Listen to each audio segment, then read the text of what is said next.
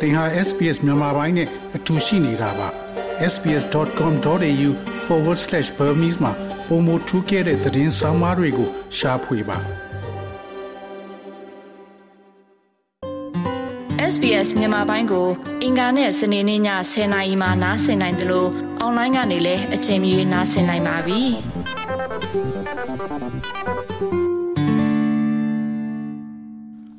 တော်ရရှိမြခင်ဗျာ ဩစတြေးလျအခွန်ရုံးနဲ့ဆက်သွယ်ရန်အတွက်လူမှုမီဒီယာ website များကိုအသုံးပြုခြင်းမပြုရန်သုံးစွဲသူများကိုဩစတြေးလျအခွန်ရုံးကသတိပေးထားပါတယ်။ taxation officer အခွန်ကောက်ခံရေးအရာရှိများကဲ့သို့အယောင်ဆောင်ထားပြီးတည်ထောင်ထားတဲ့ social media account တူများထွက်ပေါ်လာပြီးဒေါ်လာထောင်ပေါင်းများစွာလိမ်လည်ခံရသူများပေါ်ပေါက်ခဲ့ပါတယ်။၎င်းသည်အကူအညီရယူရန်အတွက် social media သို့ လှည့်လာပြီးသုံးစွဲသူများကို ပြစ်မှတ်ထားတဲ့နောက်ဆုံးလိမ်လည်လှည့်စားမှုတစ်ခုဖြစ်ပါတယ်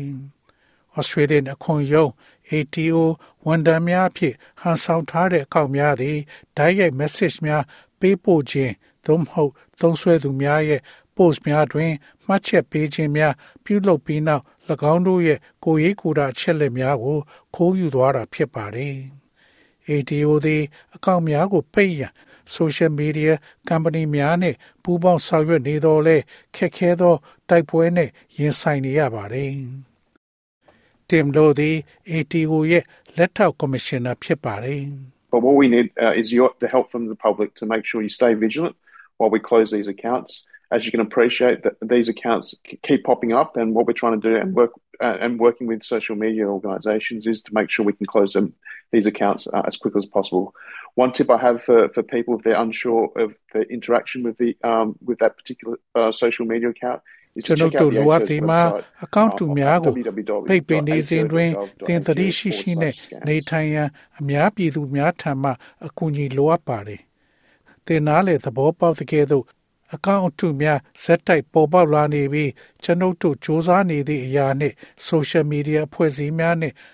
လှုပ်ဆောင်နေခြင်းမှာကျွန်ုပ်တို့သည်ဤအကောင့်များကိုတတ်နိုင်သမျှမြန်မြန်ပိတ်နိုင်စေရန်စူးစမ်းလှုပ်ဆောင်နေပါတယ်။အဆိုပါလူမှုမီဒီယာအကောင့်နဲ့၎င်းတို့ရဲ့အပြန်အလှန်တုံ့ပြန်မှုနဲ့ပတ်သက်၍မသေးကြပါကလူများအတွက်ကျွန်ုပ်တို့ပေးထားသောအကြံပြုချက်တစ်ခုမှာ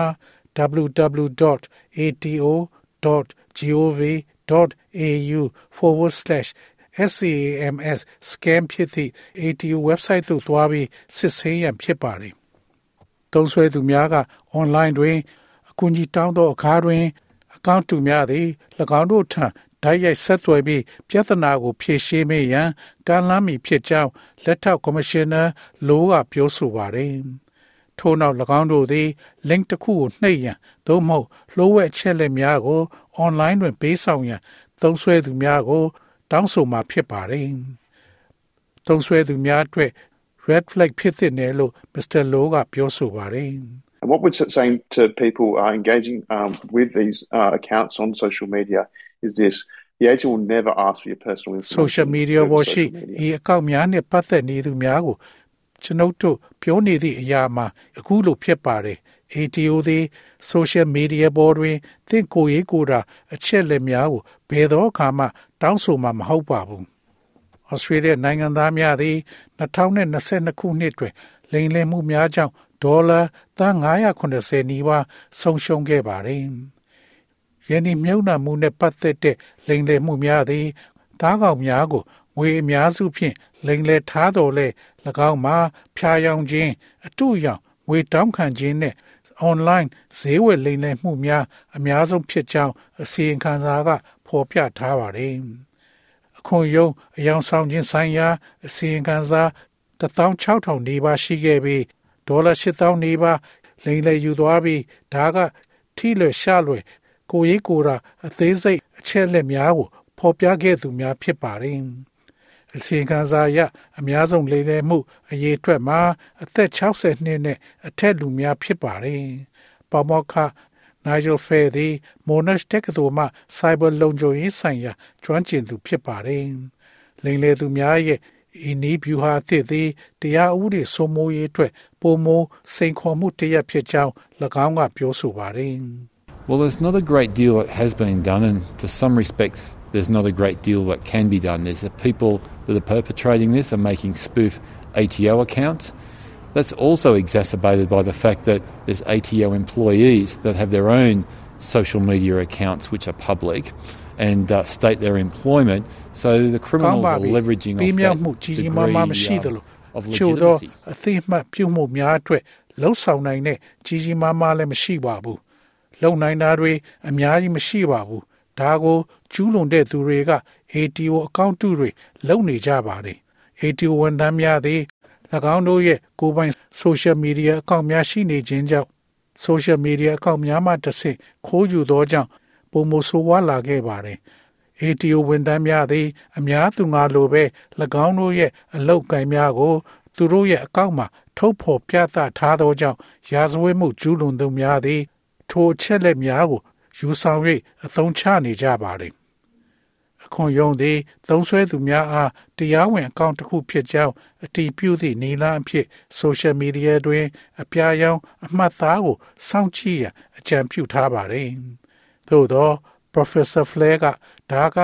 လုံးဝမလုံခြုံဘူးလို့ပြောဆိုပါတယ်။ You can buy the blue tick off Twitter. It doesn't really verify the legitimacy or otherwise of the account. I think people, when they look at government accounts, they need to look at the URL involved. They need to see where it revolves back to. They need to start thinking of other ways to interact with government agencies. And Twitter likewise, မှာ government ပြ agencies ရုံ need to တစ် think ကို about the သင် ways ဝင်နိုင် they ပါတယ် communicate with ၎င်းသည် consumers. အကောင့်ရဲ့တရားဝင်မှုသို့မဟုတ်တခြားနည်းဖြင့်အမှန်တကယ်စစ်ဆေးခြင်းမဟုတ်ပါဘူးလူတွေကအစိုးရအကောင့်တွေကိုကြီးတဲ့အခါပါဝင်တဲ့ URL ကိုကြီးဖို့လိုတယ်လို့ထင်ပါတယ်သူတို့ဘဲကိုပြန်လှည့်သွားတယ်ဆိုတာကိုသိဖို့လိုပါတယ် အစိုးရဌာနများနဲ့ဆက်ဆံရန်တခြားနည်းလမ်းများကိုစတင်ရန်စဉ်းစားရန်လိုအပ်ကြောင်းအလားတူအစိုးရ agency တွေကသုံးဆွဲသူတွေနဲ့ဆက်သွယ်တဲ့နည်းလမ်းတွေကိုလည်းပြန်စဉ်းစားဖို့လိုအပ်ပါတယ်။အမြဲလိုလိုသုံးဆွဲသူများအား online တွင်သတိရှိရှိနေထိုင်ရန်တိုက်တွန်းထားပါတယ်။သောရရှင်များခင်ဗျာ SBS သတင်းဌာနက Dice OQC ရဲ့ဆောင်းပါးကိုဘာသာပြန်တင်ဆက်ပေးထားတာဖြစ်ပါတယ်ခင်ဗျာ။ SBS Radio App ကို download လုပ်ပြီးနားဆင်မှတ်ချက်ပြုနိုင်ပါတယ်။ဒါရိုက်သို့မဟုတ်အချိန်မီနားဆင်နိုင်ပါပြီ။စစ်တမ်းမှာပါဝင်နိုင်သလိုဆက်သွယ်မှုလည်းပြုလုပ်နိုင်ပါတယ်။ Google Play ဒါမှမဟုတ် App Store မှာအခမဲ့ရယူနိုင်ပါပြီ။။